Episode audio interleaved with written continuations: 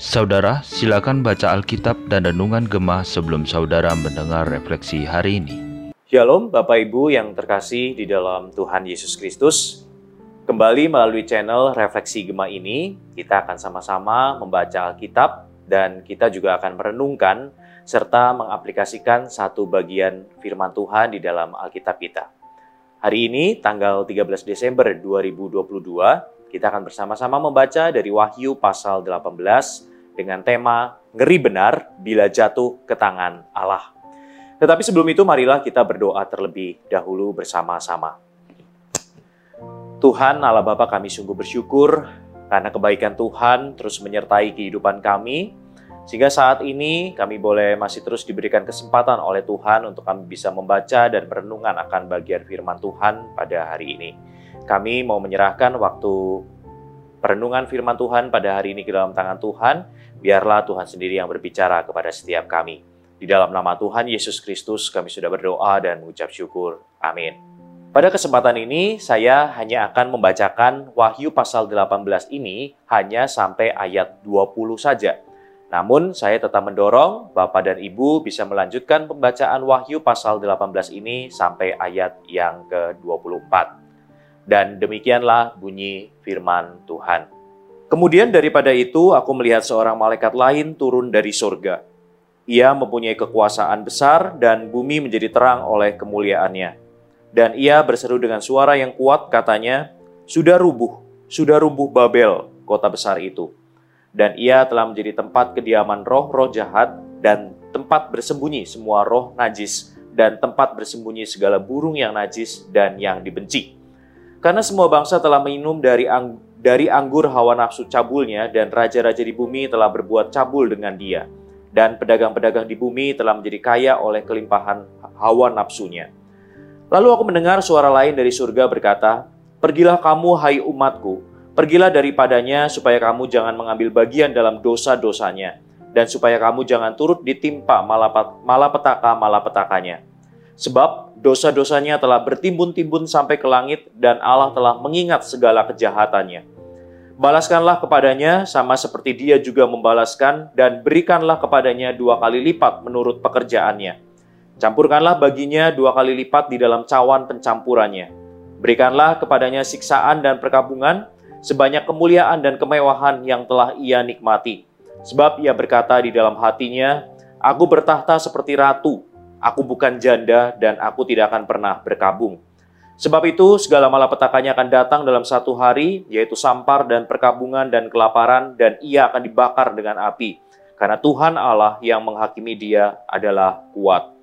Dan raja-raja di bumi yang telah berbuat cabul dan hidup dalam kelimpahan dengan dia akan menangisi dan meratapinya apabila mereka melihat asap api yang membakarnya.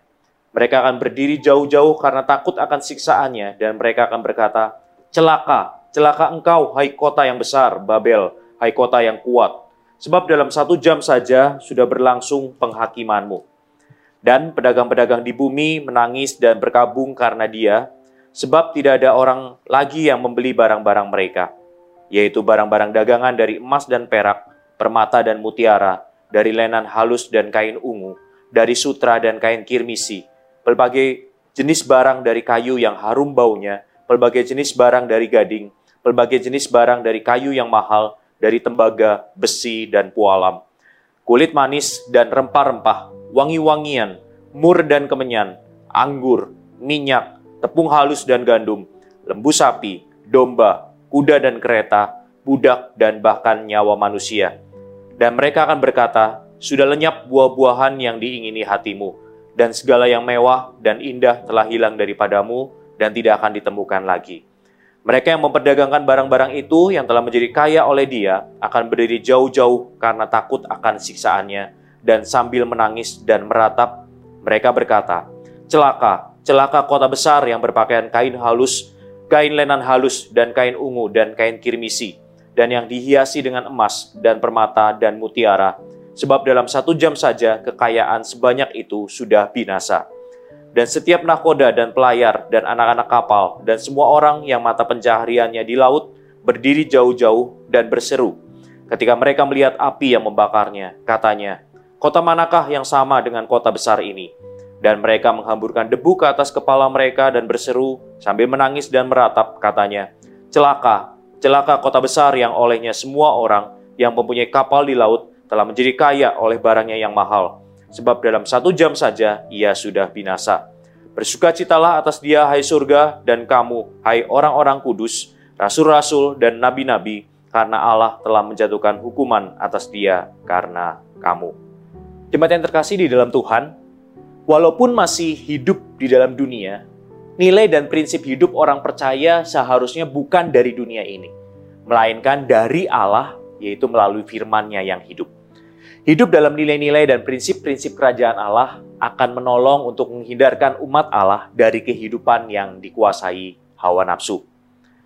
Jemaat yang terkasih di dalam Tuhan, di dalam kitab Wahyu setelah membicarakan tentang kota Roma atau Babel yang akan dijatuhi hukuman, yaitu di pasal 17, maka di pasal 18 memuat kumpulan seruan dan tangisan mengenai jatuhnya kota itu yang akan segera dieksekusi.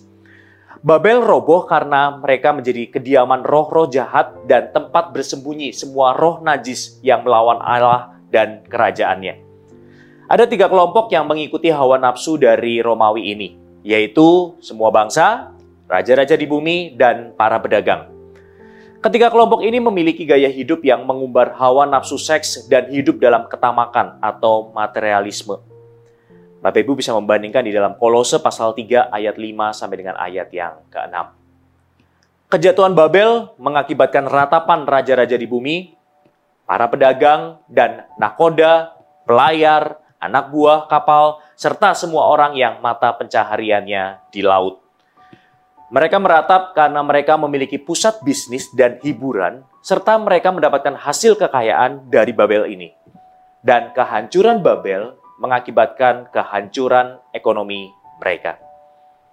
Lalu di bagian yang berikut, kita bisa membaca akan peningkatan kengerian hukuman atas Babel yang digambarkan oleh kondisi kota yang semakin hancur. Kekayaan ekonomi yang menghiasi kota itu dilenyapkan oleh Tuhan dengan cara dibakar dan ditenggelamkan. Inilah penghakiman Allah atas apa yang telah mereka lakukan terhadap umat Allah.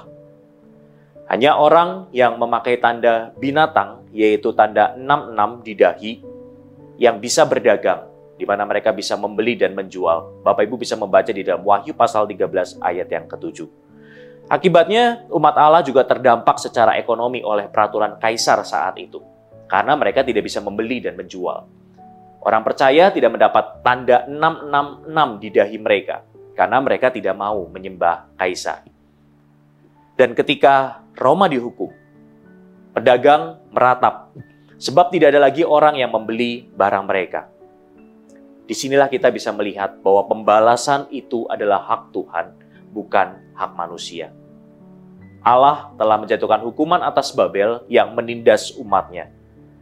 Yang menghakimi umat Allah akan dihakimi oleh Allah. Dari perikop ini kita belajar dua hal. Yang pertama adalah kita melihat betapa ngerinya hukuman Allah. Hukuman Allah atas kota Roma yang berdosa ini menunjukkan bahwa kita tidak bisa main-main dengan dosa. Kita mesti hati-hati dengan godaan kenikmatan dosa yang ditawarkan oleh dunia ini.